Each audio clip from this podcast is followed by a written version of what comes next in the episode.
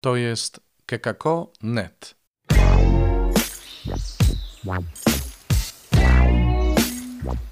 Poranny suplement diety. Chrystus zmartwychwstał. Tu Robert Hecyk z Oazy Koinonian, chrzciciel w Nowym Radzicu. Dziś z małym poślizgiem, suplement bardziej przedpołudniowy niż poranny, ale zapraszam tak czy siak do posłuchania Słowa Bożego.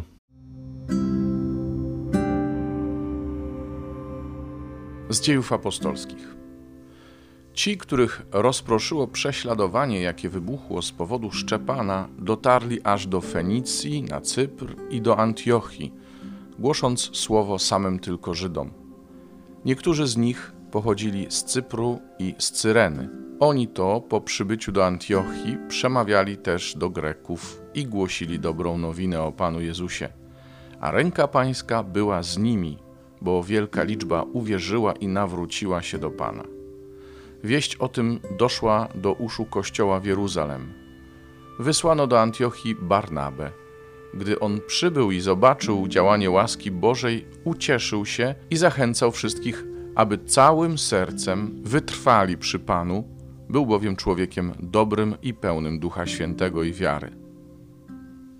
Pozyskano wtedy wielką liczbę wiernych dla Pana. Barnaba udał się też do Tarsu, aby odszukać Szawła a kiedy go znalazł, przyprowadził do Antiochii i przez cały rok pracowali razem w kościele, nauczając wielką rzeszę ludzi. W Antiochii też po raz pierwszy nazwano uczniów chrześcijanami.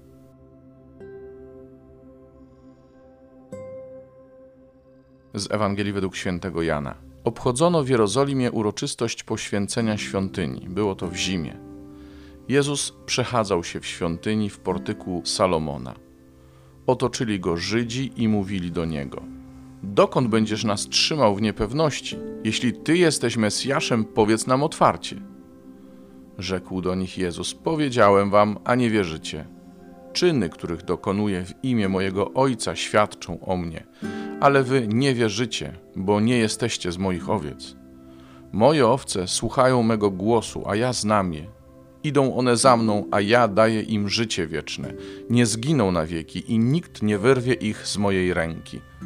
Ojciec mój, który mi je dał, jest większy od wszystkich i nikt nie może ich wyrwać z ręki mego Ojca.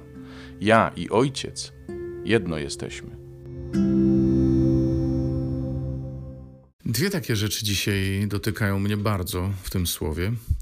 Pierwsza to w dziejach sytuacja prześladowania, która przeradza się w misje kościelne.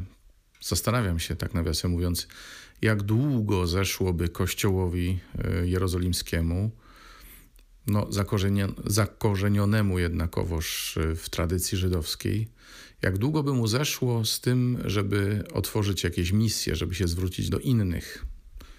Nawet w sytuacji prześladowania, uciekając z Jerozolimy, uczniowie głosili Ewangelię samym tylko Żydom. Dopiero ci spoza Jerozolimy zwrócili się do pogan.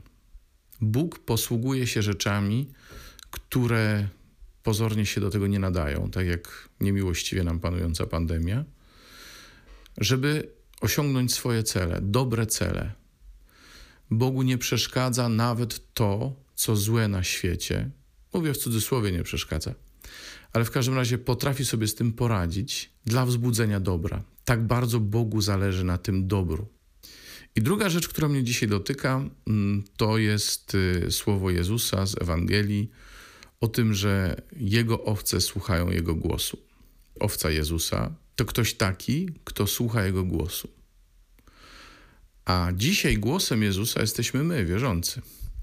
Więc jeśli mają się znaleźć dalsze owce Jezusa, muszą usłyszeć głos Jezusa, czyli nasz głos. Mały warunek. W tym, co mówimy i jak głosimy, i jacy w ogóle jesteśmy, Jezus musi być rozpoznawalny. Wtedy będą go słuchać. Naszym zadaniem jest zrobienie wszystkiego, abyśmy byli wiarygodnym głosem. Głosem, który dotyka serca w imieniu Jezusa.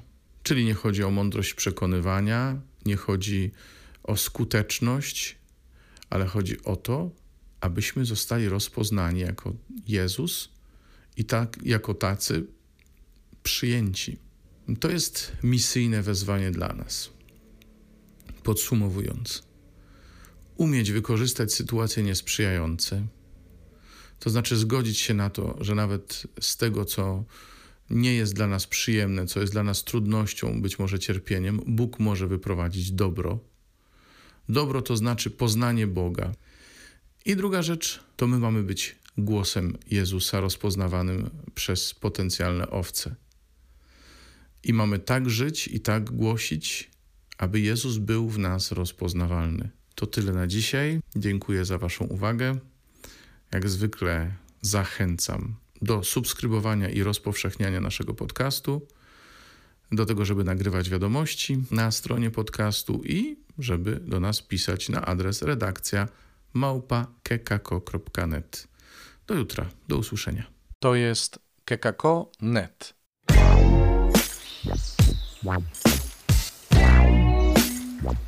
Poranny suplement diety.